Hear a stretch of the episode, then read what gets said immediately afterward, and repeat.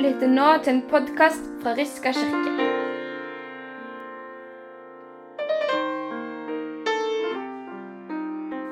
Så dere plakaten når dere kom inn i dag, som hang på veggen der ute? Der hang det nemlig en helt ny plakat.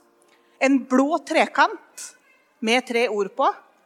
Opp, inn og ut. Kan vi få noe på veggen, kanskje? Sånn ser den ut. Og Den skal minne oss om at vi har relasjoner i tre retninger. Oppover til Gud, innover i fellesskapet og utover til andre mennesker og samfunnet. Og Den siste uka så har jeg erfart at vi ser litt ulikt når vi ser den plakaten. Noen ser en pekefinger som peker på de andre. Noen legger mest merke til ordene, at det står opp, inn og ut, eller at det er hoder.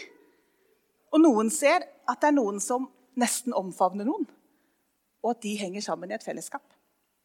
Det første jeg la merke til, det var den siste biten. Det at det ser ut som de holder litt rundt hverandre og lager et fellesskap. Og det at den trekanten er lik, sånn at det ikke er sånn at den ene tingen er viktigere enn de andre. Men disse her rare ordene som Bjørg leste apostel, profet, evangelist, hyrde og lærer hva betyr det?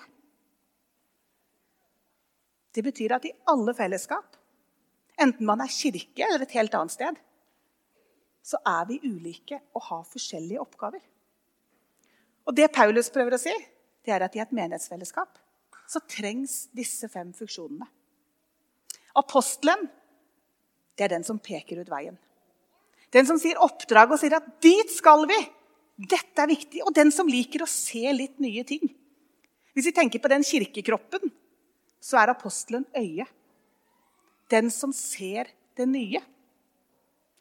Og når vi har en visjon i Riska vinne for Jesus, vokse i tro, så spør apostelen hvor leder den visjonen oss? Profeten er den som lytter. Den som gjerne er litt intuitivt opptatt av det som skjer rundt. Litt sensitiv, kreativ. Og den som er god til å lytte. Jeg veit at det er forskjell på å høre og lytte. Noen ganger så hører jeg at det er mye støy, jeg hører bakgrunnsmusikk, jeg hører litt snakking. Kanskje jeg til og med hører at noen prøver å gi meg en beskjed, men jeg får det ikke helt med meg. Mens når jeg lytter, da prøver jeg å få med meg det som blir sagt, og gi en respons tilbake. Akkurat som læreren på skolen vil prøve å få elevene til å lytte, ikke bare være til stede og høre at noe blir sagt. Profeten er den som lytter. Det er på en måte øret på kirkekroppen. Den som kan høre hva Gud vil si, og svare på det. Evangelisten, det er foten. Den som går ut og inviterer med nye. Den som er opptatt av å få med flere. Og tenker hvordan skal vi nå ut til at ikke vi bare skal være oss? Vi har så gode nyheter å komme med. Ordet evangelium betyr gode nyheter. Vi må nå ut til noen flere. Evangelisten er foten. Og så har vi hyrden, en hyrde er jo en gjeter, sant?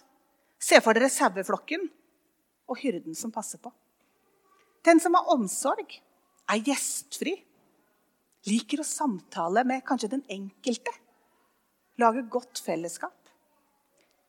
Enten vi bruker bilder med store hender eller mange hender, så er det et godt bilde på hyrden. Den som tar vare på.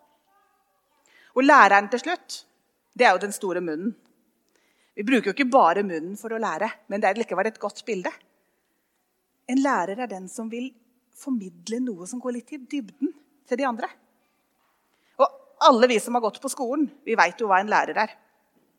Men lærerne på skolen er ikke nødvendigvis de som har funksjonen som lærer i en menighet, eller motsatt. Men den som er lærer i en menighet, vil si oss noe om hva Bibelen handler om. Dette er så viktig. Flere må få vite det. Flere må få skjønne det. Vi kan oppsummere det med å si at apostelen peker ut retningen. Profeten peker oppover på Gud. Evangelisten går ut og inviterer med nye mennesker. Læreren underviser de som evangelisten har invitert med. Og hyrden passer på flokken. Alle de fem er viktige i en menighet. Kanskje dere har tenkt når dere er en del av et fellesskap, at åh, det er bare jeg som tenker at dette er viktig. Det er det aller viktigste for meg, så er det ingen andre som ser at det er viktig. Hvorfor er det bare jeg som hele tida prøver å si kan vi ikke gjøre sånn? Kan det ikke være sånn? Mens de andre de er liksom opptatt av at det er mye viktigere. Vi blir frustrerte noen ganger. Nettopp fordi vi er så forskjellige. Og så må vi øve oss på å tenke at det skal være plass til alle de fem funksjonene i en menighet. Det er nettopp det som gjør fellesskapet så viktig. Ada og Lilly er døpt i dag. Og jeg sa det når de sto der framme og vi tente lyset òg. De er døpt inn i et fellesskap. De er et fellesskap som er hele Guds rike og hele den verdensvide kirken. Et par milliarder mennesker.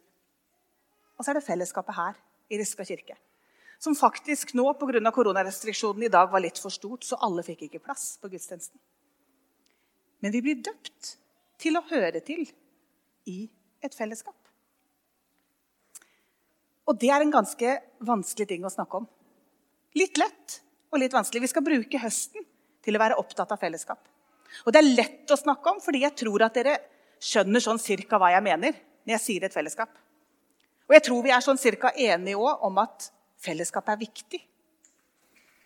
Men erfaringene våre er at det ikke alltid er godt å være med i et fellesskap.